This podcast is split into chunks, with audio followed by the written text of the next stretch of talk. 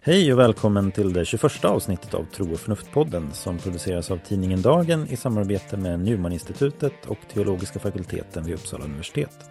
Jag heter Kristoffer Skogholt och med mig har jag Erik Åkerlund. Idag kommer vi att samtala med Ulf Jonsson, professor i religionsfilosofi vid Newman-institutet utifrån hans nya bok i fundamentalteologi med tanke på tron. Så varmt välkommen till programmet.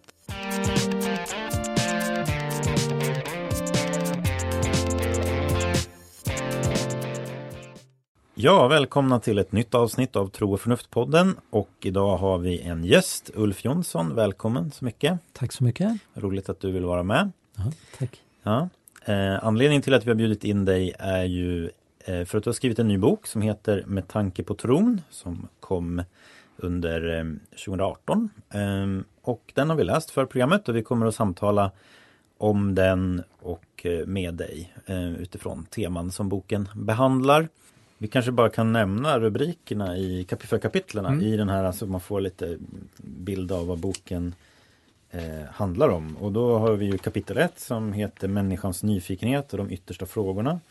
Existentiella frågor. Eh, och där behandlas ju just, som du säger, fenomenet religion och människans religiositet. Och sen kommer kapitel 2, Gud, vem är det? Det handlar om gudsbegreppet och hur man kan tala om Gud och Guds egenskaper.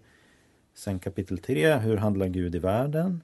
Som då delvis, dels handlar om Guds skapande aktivitet men det som också ibland kallas för Guds speciella handlande eller särskilda handlande. Huruvida och på vilket sätt som Gud skulle kunna ingripa i världen. Eh, som du ju diskuterar i relation till samtida naturvetenskap också. Och så det avslutande kapitlet som handlar om just uppenbarelse och, och som väl får ses som någon slags försmak för bandet 2 då. Som, så, det är fyra fylliga kapitel. Eh, och eh, som sagt första kapitlet eh, ska vi prata lite grann om eh, nu och människans nyfikenhet och de yttersta frågorna. Och innan vi går in och liksom pratar om vad du skriver om, om det så tänkte jag ställa frågan om, om du kan säga någonting om hur din egen nyfikenhet för gudsfrågan uppkom. Har du så att säga är du religionsfilosof av födsel eller har du blivit det under vägen? Ja, eh, även om jag inte tänkte i de kategorierna när jag var tonåring så eh, kan man väl säga att jag var, jag var väldigt intresserad av religionsfilosofiska frågor tidigt i livet.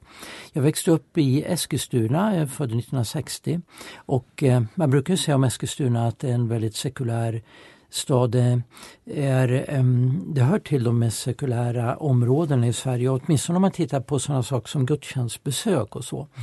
Så är det eh, Eh, det är inte så många Eskilstunabor som besöker kyrkan eh, på söndagarna. Det kan jag eh, vittna om. det var väldigt ovanligt eh, under min uppväxt att göra så. Och ehm, så att ehm, men av någon anledning var det så att jag väldigt tidigt i livet blev intresserad av frågan om Gud och om religiös tro. Jag vet inte riktigt varför men eh, jag ställde sådana frågor väldigt tidigt i livet. Och ehm, Alltså som redan i tidiga tonåren. Eh, tänkte jag att det är väldigt konstigt att ingen verkar intresserad av frågan om det finns någon mening med det hela. är det någon som har tänkt ut det här eller så? Eh, och ehm, Med hela tillvaron? så med hela tillvaron. Eh, Alltså är, det, är det så att, eh, att det finns någon tanke med det hela eller är det hela ytterst sett utan tanke och meningslöst? Eh, Jag tänkte så redan när jag var så där 13-14 år. Och ehm, eh, det fanns knappast någon i min omgivning som, som överhuvudtaget verkade tända på de där frågorna. Försökte du ställa de frågorna då till dina Ja, jag funderade i omgivningar? alla fall på det. Ja. Och, men det, det, var, det var liksom inte frågor man ställde Nej, på tidigt 70-tal. Det passade sig inte. Eh, nej, det passade sig inte riktigt faktiskt. Och, eh, men jag, eh, jag framhärdade och jag tillbringade en del tid i stadsbiblioteket i hemma i Eskilstuna och försökte hitta litteratur och så. Och läsa. Jag skrev ett brev också till Olof Palme som var statsminister på den tiden och frågade honom hur kommer det sig att de här frågorna aldrig tas upp. Och eh, eh, då eh, fick jag faktiskt ett svar från honom, också ett personligt brev från honom, där han sa att nej, det stämmer nog, de här frågorna, det, de, det är inte så många som funderar på dem.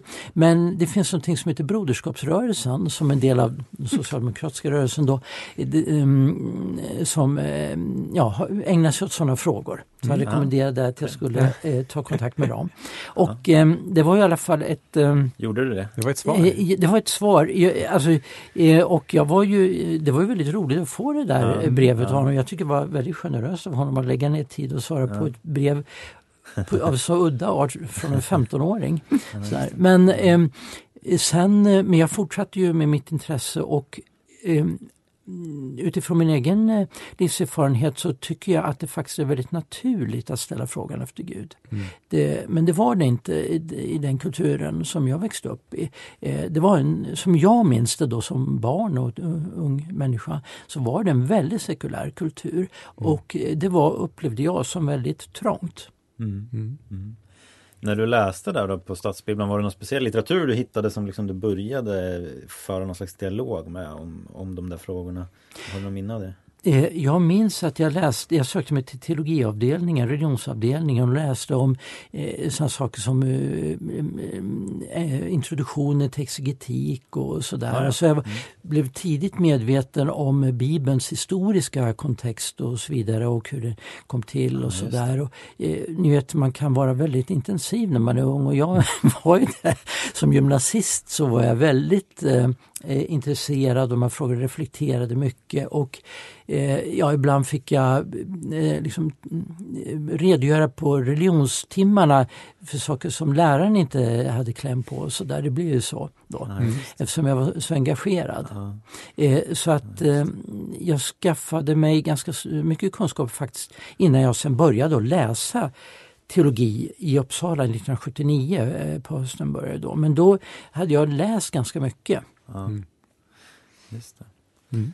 Så mer av eh, arv än miljö i det här fallet kanske då, ja. som man har de här frågorna. Ja, om man det, ska ta det bara utifrån det här exemplet. Det stämmer. Det var, eh, för mig är de här frågorna frågor om Gud och förståelsen av vad det är att vara människa och förståelsen av tillvaron. Det är väldigt naturliga frågor att ställa. Mm. Och jag ställde dem tidigt så att eh, eh frågan om Gud mm är för mig en väldigt fundamental mänsklig fråga. Mm. Så har jag upplevt det till, också själv. Mm. Du beskriver ju här nu din ingång lite grann som just utifrån mening eller avsikt. Finns det någon mening med eh, världen och sådär? Hur, du resonerar ju på lite olika sätt som gudsfrågan kan uppkomma i, i boken.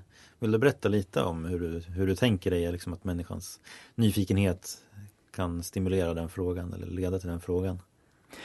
Eh, jag tror ju att man kan komma till gudsfrågan på väldigt många olika sätt.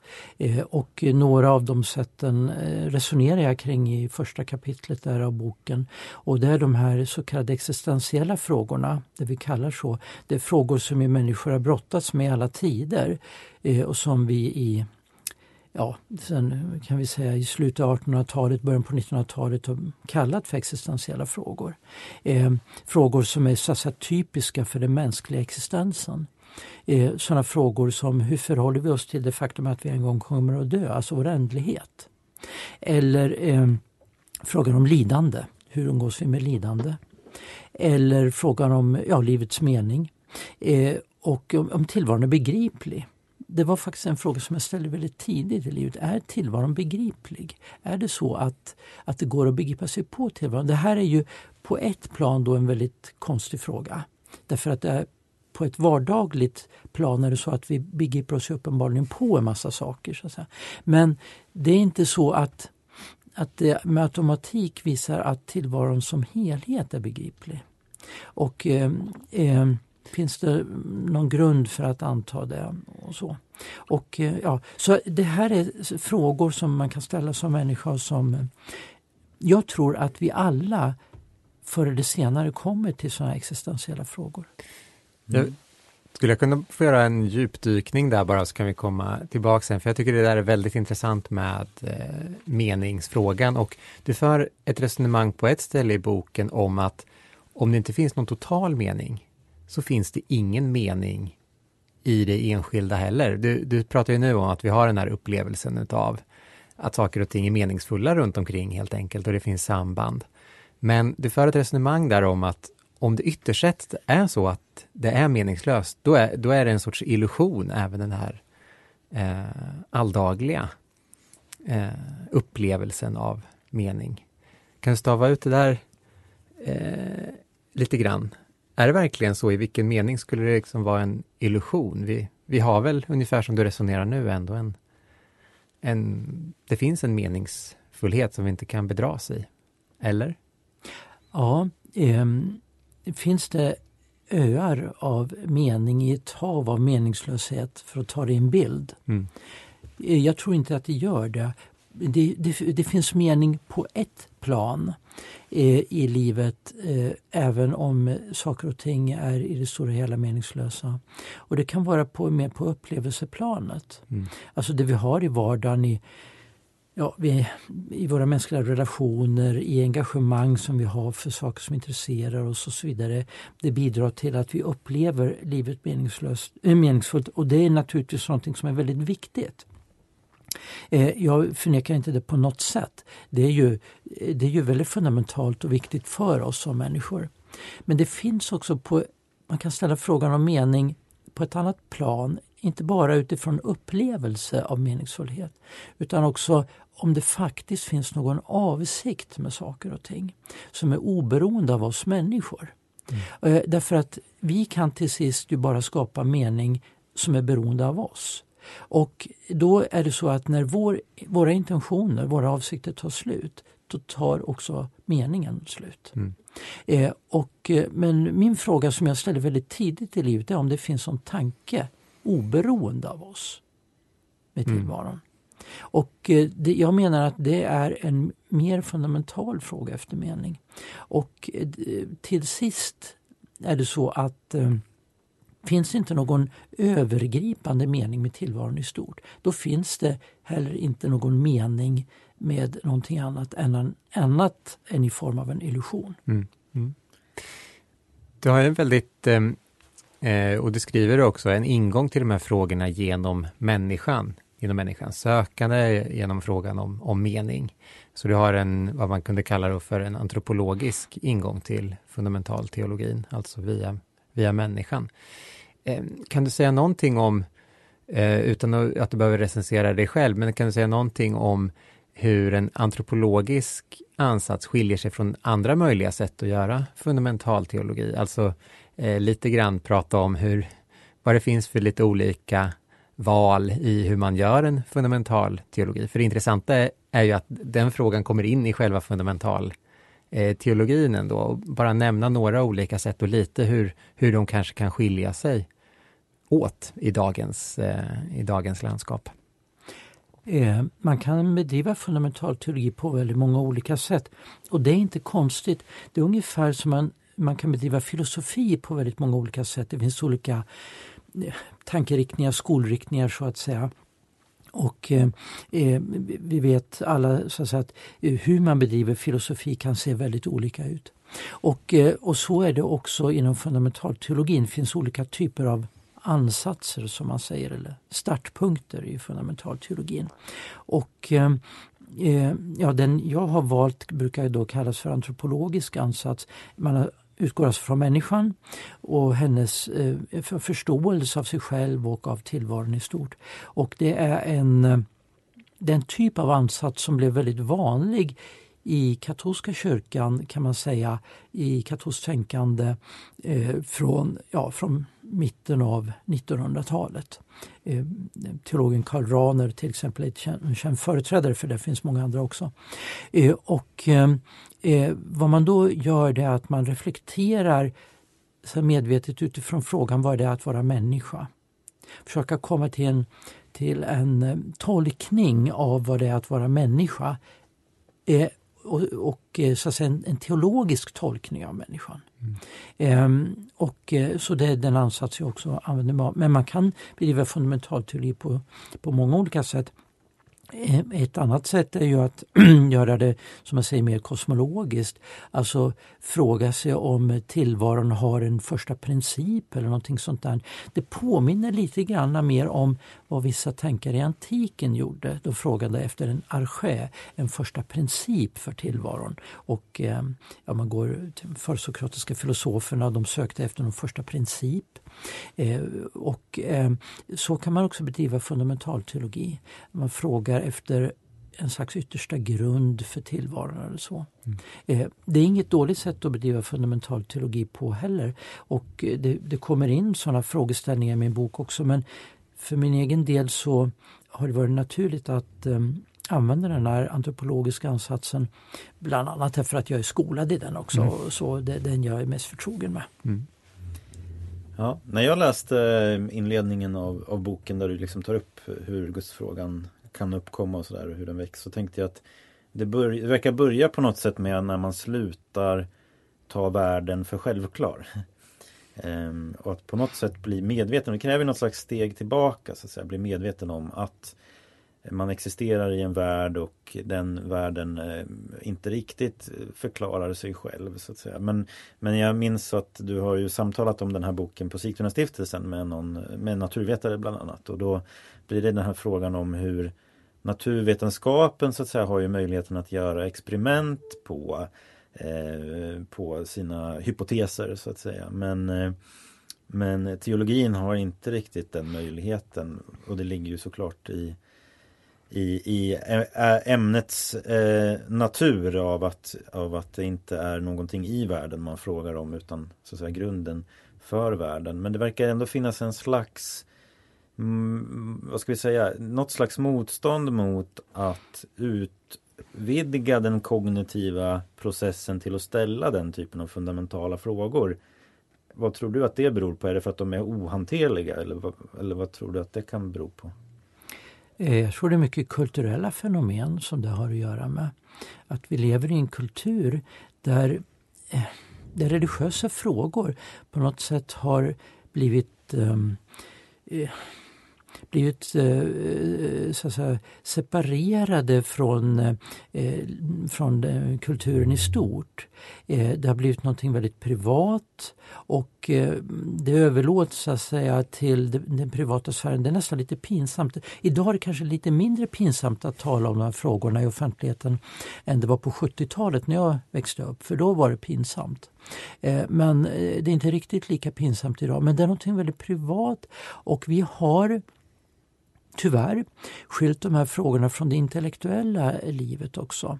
Vi betraktar det som frågor som har mer med moralitet och estetik att göra än med vår intellektuella reflektion. Ehm, jag tror ju att att den religiösa tron och så, det, har, det har med allt möjligt i livet att göra. Eh, och också med estetik och med moralitet och så vidare. Så det, men jag tror det, det är väldigt eh, det, det, är relevant så att säga, för, för väldigt många aspekter av livet. Men det finns tror jag fortfarande en föreställning i Sverige om att det med religion, det är någonting som ja, man får känna efter hemma liksom Eh, på, på kammaren. Eh, och eh, jag tror att det är inte hela, hela svaret.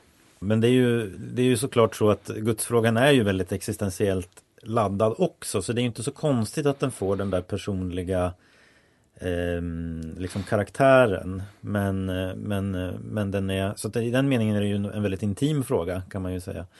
Men, men den går ändå att reflektera över intellektuellt så att säga. Ehm, ett begrepp som du använder i boken som kanske inte är så vanligt i, i en svensk kontext ändå i diskussioner är ju begreppet transcendental erfarenhet. Och eh, jag tänkte försöka sammanfatta hur jag tolkar innebörden av det och så får du gärna kommentera det. Och... För det kan man väl säga har att göra med just den här kopplingen egentligen mellan det väldigt intima och privata å ena sidan och å andra sidan det allmänmänskliga på ett bra sätt knyter ihop. Ja, ja men precis. Det, det absoluta och det personliga. Just det, precis. Ja. Skulle man kunna säga. Så det här är väl vad jag skulle, så här skulle jag försöka beskriva det då. Att den här, den här um, transcendentala erfarenheten kanske går att likna vid inte en, inte en erfarenhet av ett enskilt eh, ting i min upplevelsevärld men, men ibland så är det så att vi är i ett rum och så är det ett ljud i bakgrunden. Och vi tänker inte på det här ljudet, vi är liksom inte medvetna om det förrän det upphör. Då inser vi att vi har hört ett ljud.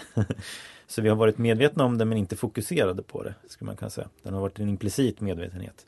Eh, och så tänker jag mig då att den här transcendentala erfarenheten, den, den erfarenheten är ju inte ett erfarenhet av ett ljud, men det är en erfarenhet av att vara insatt i en helhet, tillvaron som helhet. Så jag har en slags implicit, inte artikulerad, men ändå eh, en erfarenhet av att ingå i en helhet.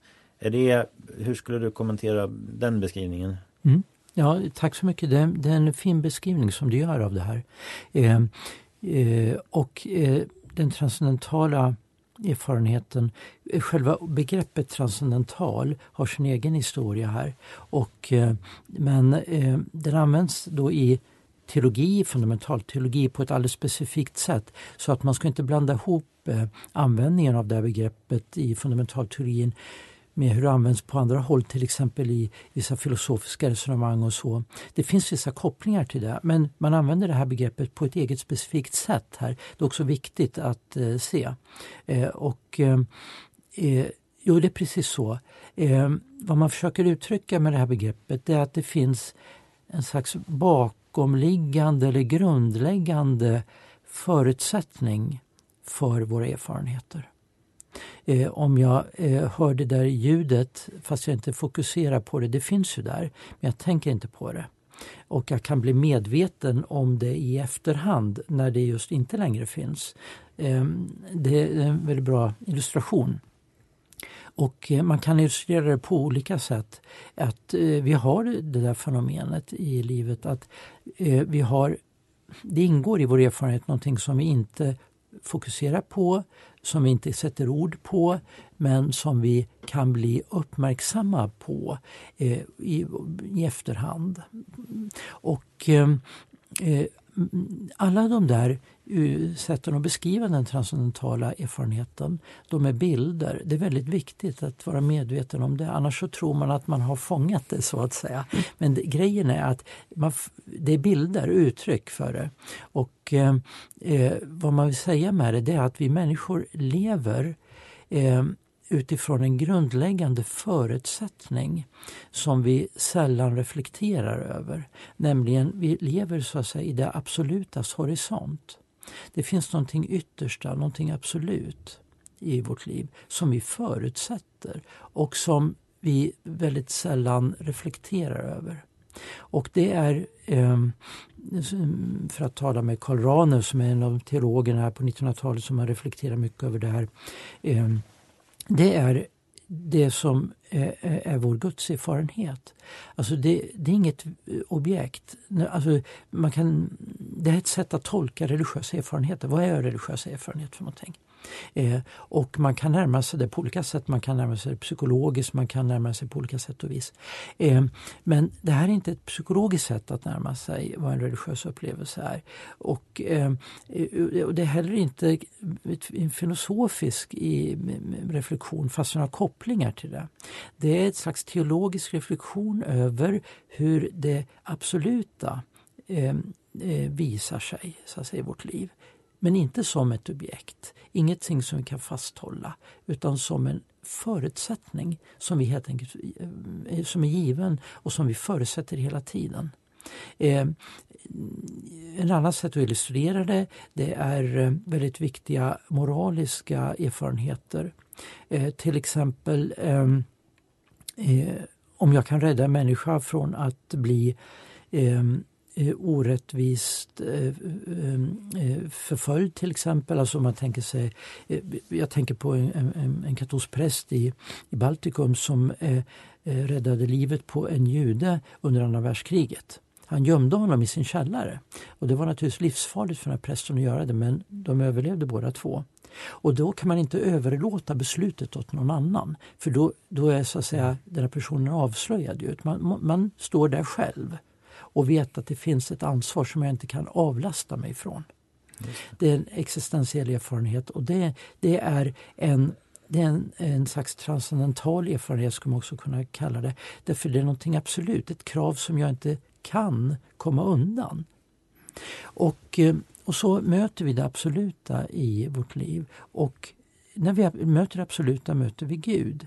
Inte som ett objekt, inte som ett ting, men som en förutsättning för hur vi kan tolka världen, hur vi kan handla och så. Så erfarenheten av att stå inför det absoluta är så att säga delvis erfarenheten av eh, det absoluta i termer av en yttersta ontologisk grund för tillvaron, för universum, men också som en i den eh, moralisk grund eller en grund för det, det goda då. Eh, om jag tolkar det rätt. Ja, mm. det är, man, man, kan möta det på ett moraliskt plan mm. som en yttersta godhet, en yttersta ansvar. Man kan också möta det estetiskt. Finns, tillvaron är god och skön och ytterst sett finns det en källa för det mm. som vi aldrig kommer åt. Mm. Eh, man kan möta det som eh, ett svar på meningsfrågan. Mm. Eh, förvissningen om att tillvaron i grunden är meningsfull. Mm. Jag kommer nu att tänka på en sak som vi sa i förra avsnittet när vi pratade om Pierre Hadot bok Vad är antikens filosofi? Och det finns ett citat i den boken Eh, av nyplatonikern Plotinos som säger att utan dygderna är Gud bara ett ord. Och det slår mig nu att om vi frikopplar vårt tal om Gud från erfarenheten av det absoluta så skulle man kunna säga att religionen funkar inte som en väg till Gud eller det absoluta utan som en slags litet skydd kanske till och med emot det. Det är en intressant sak med den här analysen att man kan så att säga också använda den för att och sätta ett kritiskt eh, öga på religiös praktik. Mm.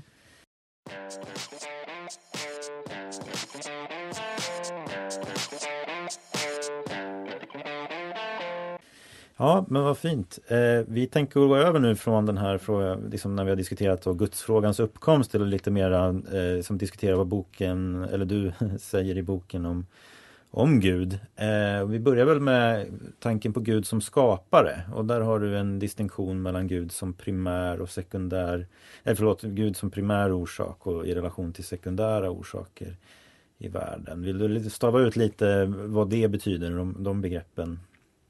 Ja, eh, ska försöka att eh, göra det. Det är eh, det är så att själva alltså det här begreppet orsak är, det är en härva. Alltså. Mm. Ehm, eh, därför att eh, det är långt ifrån klart vad man menar med en orsak. Och eh, faktum är att jag alldeles här nu ska åka på en konferens i Paris eh, eh, där teologer och naturvetare och filosofer ska diskutera vad kausalitet är för någonting. Vad är det att vara en orsak eller att vara förorsakad? Eh, eh så till vardags så eh, funkar det ju när vi pratar om det, så det här är orsak till det och så det, det, det, blir inga problem i allmänhet, så det är inte det. Men, eh, men däremot är det så också i naturvetenskapen att man är väldigt, väldigt osäker på vad man menar med en orsak. Överhuvudtaget använder man knappast orsaksbegreppet längre bland naturvetare därför att man är, man är väldigt försiktig i alla fall att överhuvudtaget använda det mm. eftersom man inte vet vad det är. Och eh, det är naturvetarna inte ensamma om utan filosoferna och teologerna är också väldigt förvirrade eh, när det gäller det här. Det, det, är ett så grundläggande begrepp. Så det är, vår förståelse av kausalitet förändras också väldigt mycket. Men man kan väl säga att vi använder det när vi ska försöka förklara varför något är på ett visst sätt?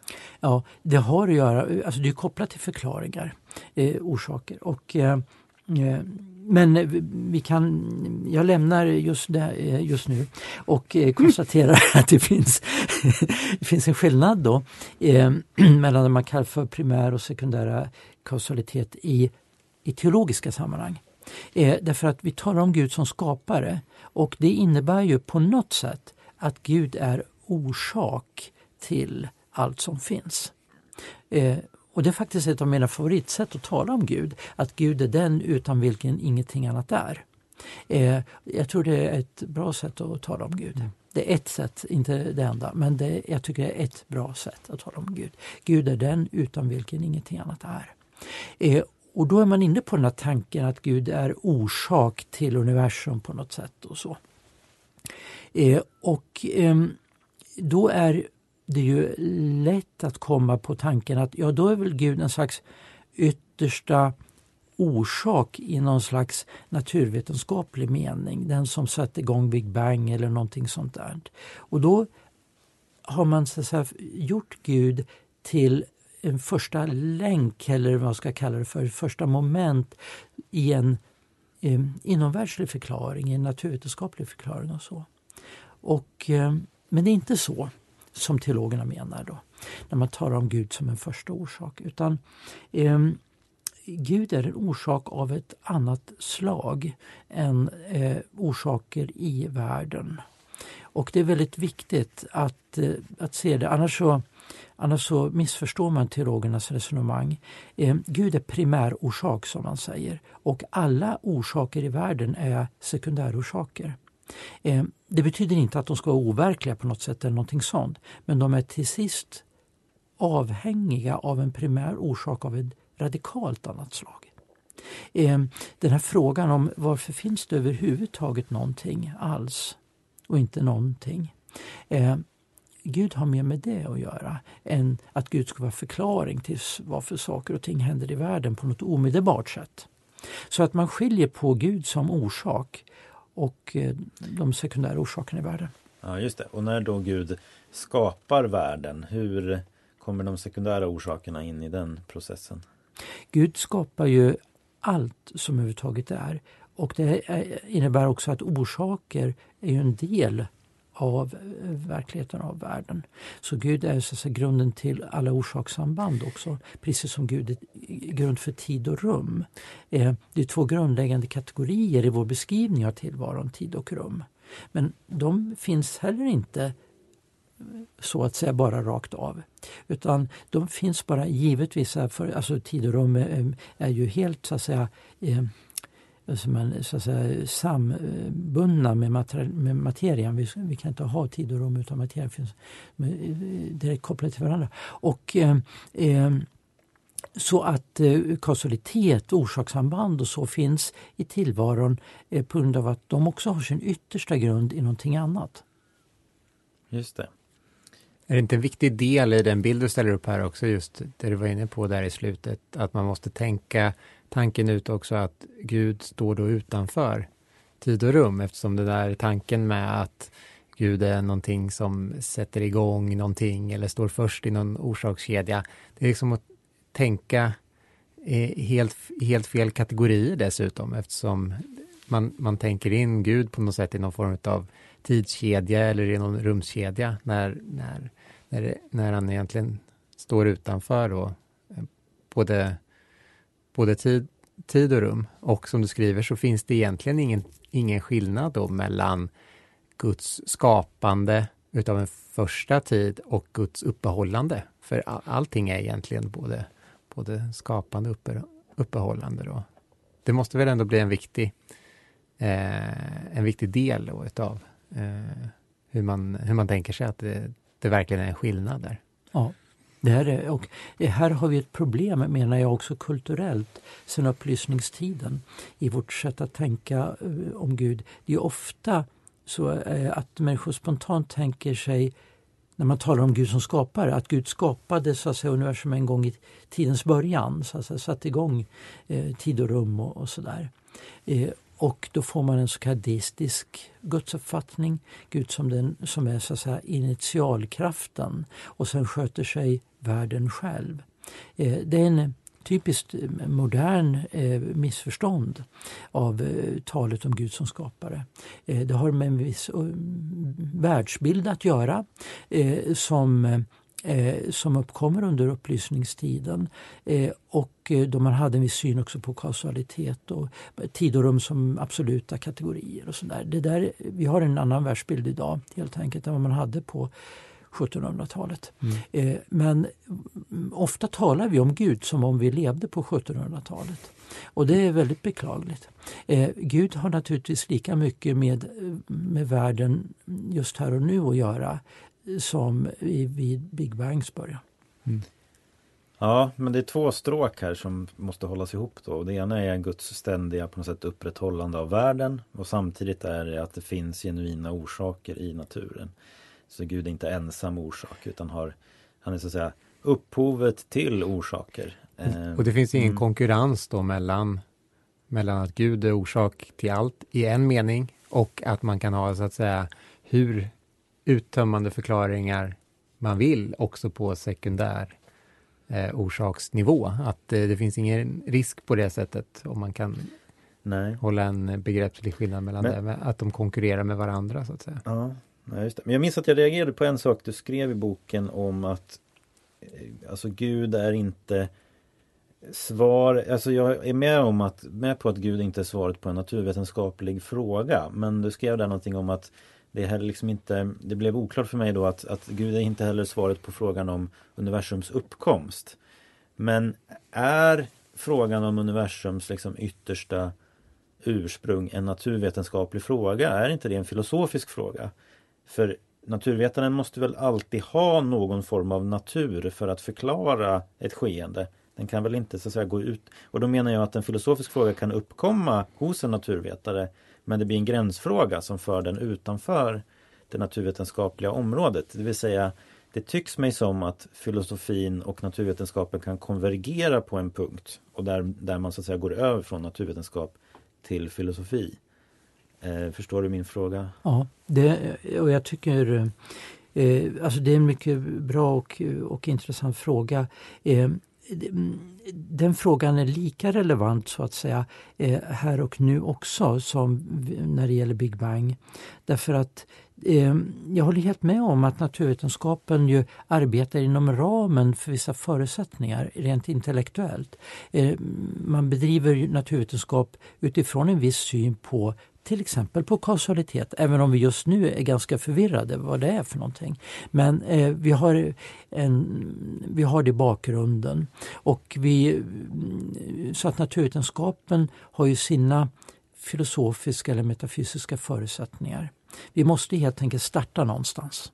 Vi startar aldrig från något absolut noll utan vi startar i vissa antaganden som vi jobbar med och det är eh, absolut okej okay att göra så. Vi har inget alternativ heller. Men eh, det stämmer att naturvetenskapen kommer eh, då, alltså naturvetare som gör metareflektion över sin egen verksamhet, de kommer ibland också till frågor av mer filosofisk art. Och det stämmer att det finns någon slags eh, det finns någon slags mötespunkt där mellan filosofi och teologi och naturvetenskap.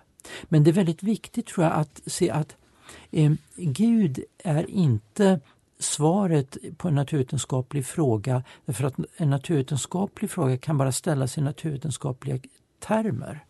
Och Gud är inte, så man kan inte eh, ge en så säga, teologisk eh, variant på en naturvetenskaplig förklaring, det går inte. Och eh, man, man ser det i praxis, eh, när man försöker så blir det alltid tokigt. Eh, det är som intelligent design eller så. Alltså, eh, den biologiska evolutionen behöver, den är så att säga inte helt och hållet förklarad. Vi behöver ytterligare en faktor och då tar vi in Gud som förklaring och då har vi det här som kallas för God of the Gaps och så. Så att mm, jag tror att det är väldigt viktigt att, att se att det finns någon Alltså immanent, så att säga, i, i den naturvetenskapliga praxisen är Gud inte svaret på någon fråga. Men det finns i bakgrunden av naturvetenskaplig praxis frågor som naturvetenskapen själv inte kan besvara. Och där, men, men där ska jag säga att gudsfrågan är så att säga, lika relevant för världen som den är här och nu. Som för, så att säga, eh, vad ska vi kalla det för, universums uppkomst eller så. Ja, just det. Mm. Om man kanske skulle här nu mot eh, slutet börja sakta gå över mot det som sen kommer att bli din, ditt band två och fråga lite om uppenbarelse och Guds handlande i världen och, och sådär. Med, med den eh, grundläggande bilden då att Gud finns egentligen i allt, Gud upprätthåller ju allting hela tiden.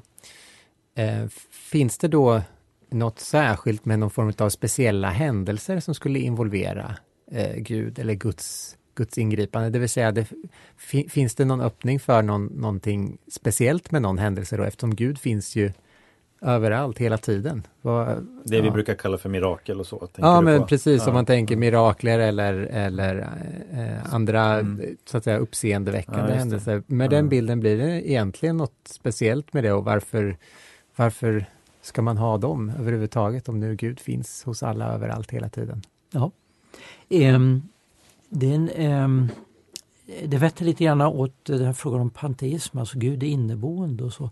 Vi har i moderniteten fått, fått ett visst problem med det där.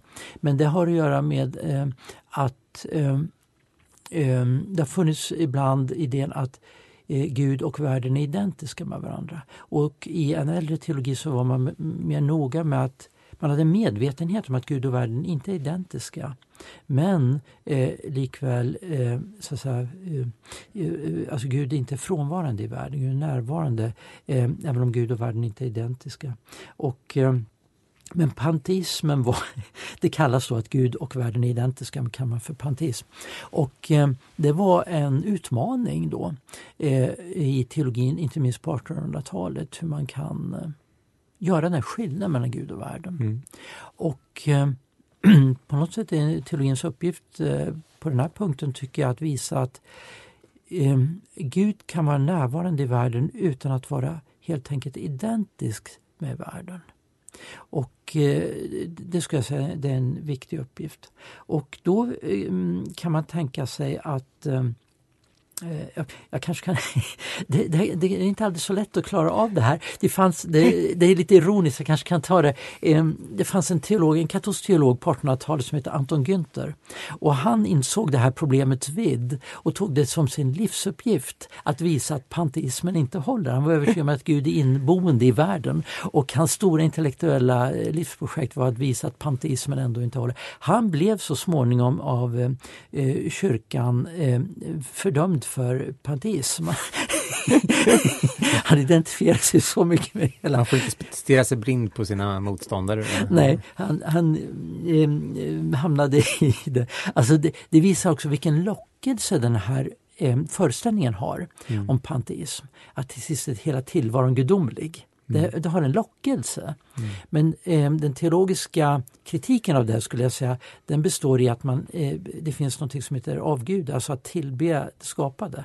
Och det, det, så det finns en gräns där. Eh, och därför Gud, eh, Gud är också större på något sätt än världen. Och, ehm, men då är frågan, om Gud är nu så inneboende i världen, finns det då speciella händelser mm. där Gud visar sig? Och det är det vi kallar för uppenbarelse. Och eh, då kan man eh, Ja, det skulle finnas mycket att säga om det. Men, men, ja, det kommer ju band två som ja. sagt. Det, vi får ja. eh, ta det här som en liten teaser, men man kan ja. säga någonting bara just om, om det finns olika typer av eh, handlande från Guds sida? Då Ja, alltså det finns en skillnad mellan det här att Gud skapar världen, upprätthåller världen å ena sidan och att Gud på något sätt handlar i världen mm. för att visa vem man är och leda världen och eh, hela världen och så vidare. Så det finns ett handlande, eh, Guds handlande som där Gud på något sätt visar sig i världen också. Eh, och, eh, men hela tiden som den fördolde. Alltså Gud blir aldrig ett objekt i världen. Vi kan inte peka på ett ting eller en händelse och säga det här är Gud. Eh, men vi kan peka på händelser och, och, så som visar oss att Gud är här. Så det, det är den där, Gud visar sig i sin fördoldhet. Så att säga. Jag har lite reflektioner kring det i slutet av den här boken då, som en övergång mm. till reflektioner över uppenbarelsen. Men uppenbarelsen är naturligtvis helt centralt för den kristna tron. Ja precis, jag tänker att eh, du resonerar intressant där kring hur man kan tänka sig kring Guds särskilda handlande. Och, och där, där har du ju några modeller. En, eh, tre modeller handlar om att Gud bestämmer indeterministiska skeenden. Eh, och sen så har du en, en, diskussion om mirakel där Gud så att säga agerar istället för en sekundärorsak. Eh, och, och där tänker jag mig väl att skillnaden, det blir ändå inte ett naturvetenskapligt svar. För ett naturvetenskapligt svar är ju så att säga alltid generellt om hur naturen fungerar. Medan ett svar på vad som hände i ett enskilt fall skulle kunna vara eh, teologiskt.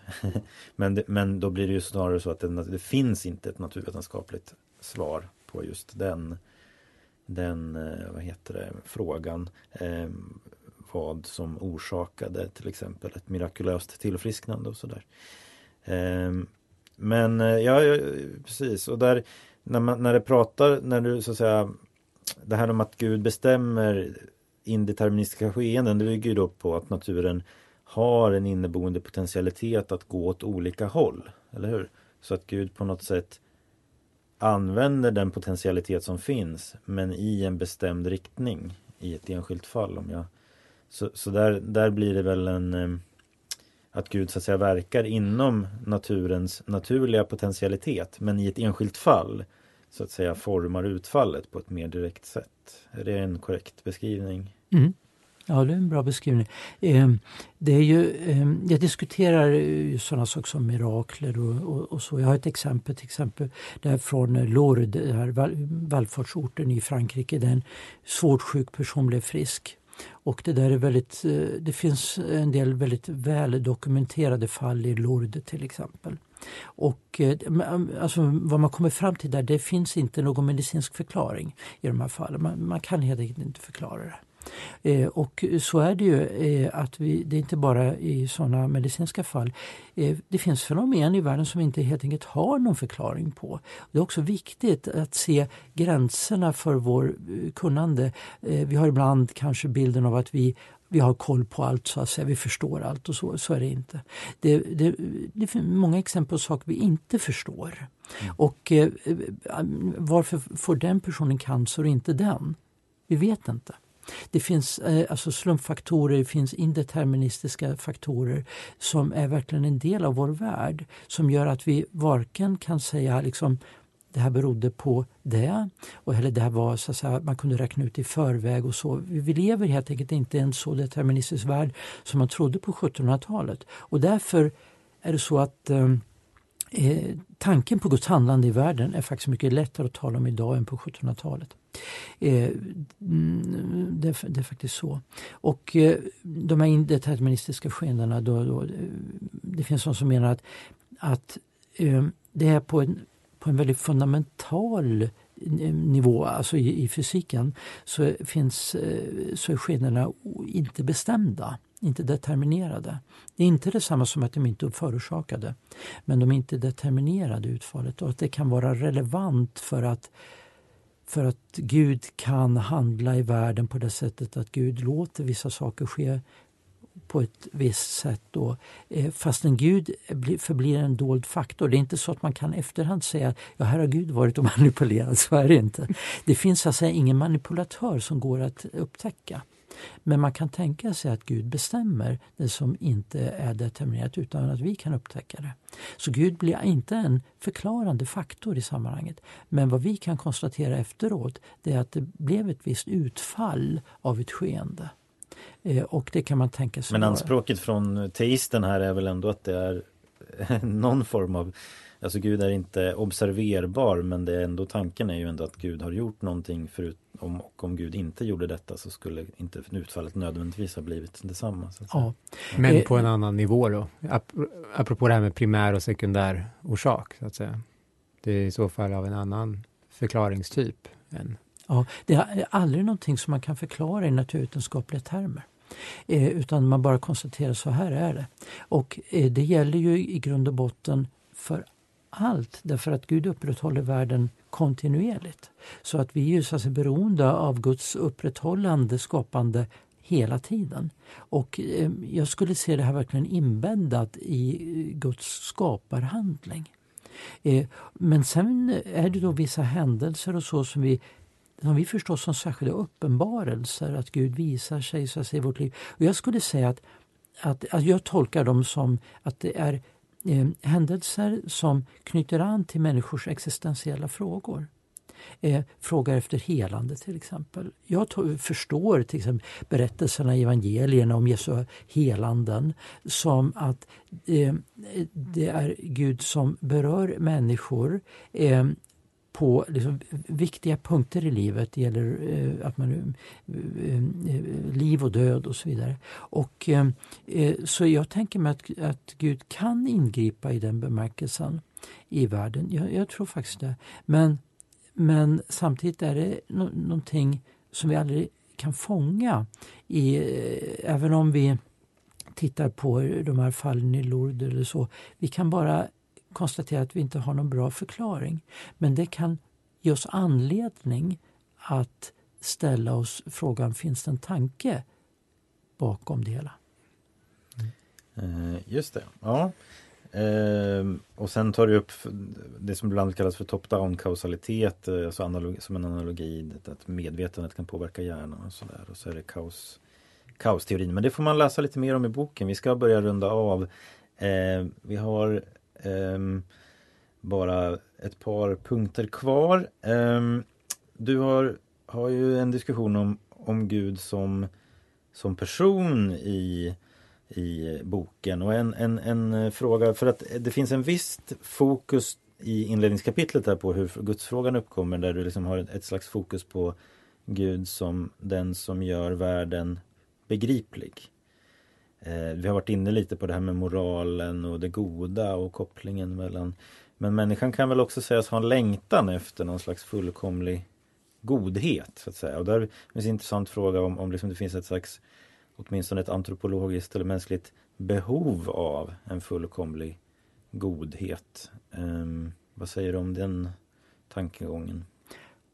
Ja, jag tror, eh, men vi, vi har någon eh, strävan, efter, precis som en strävan efter kunskap och sanning så har vi en strävan efter det goda och det sköna. Jag tror de där eh, de förverkligas i vårt liv på många olika sätt men ytterst sett så är de riktade mot eh, till Gud själv. Och du nämnde det här med person. Jag skulle också säga att det är ett högsta goda. Så att säga. Det hör till de här kategorierna.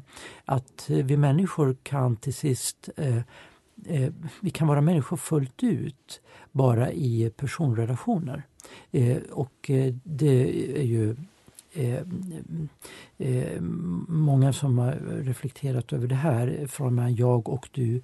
Eh, och det, det, är också en djup biblisk tanke. Att människan är skapad till Guds avbild och på något sätt är relaterad till Gud.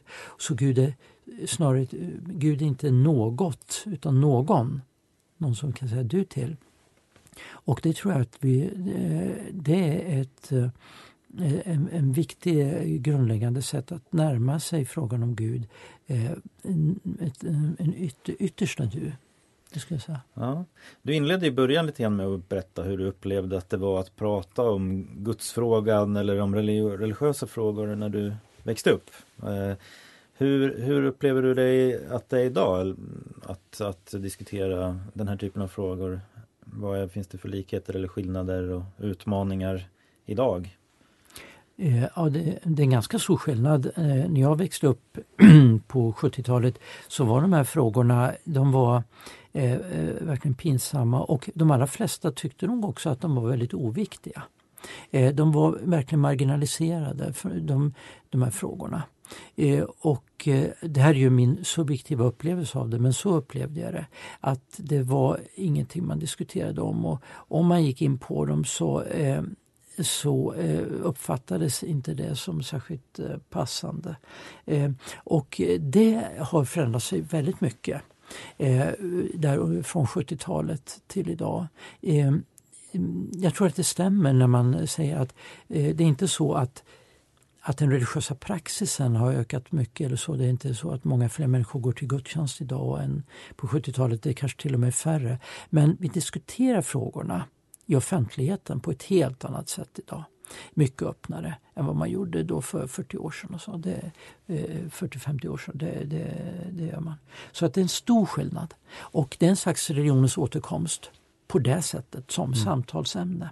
Men det, det är både så säga, positivt och negativt. Det finns också faktiskt eh, eh, vi lever ju på, någon, på många sätt och vis i ett helt annat samhälle. Vi har en annan typ av polarisering idag eh, kring de här frågorna också.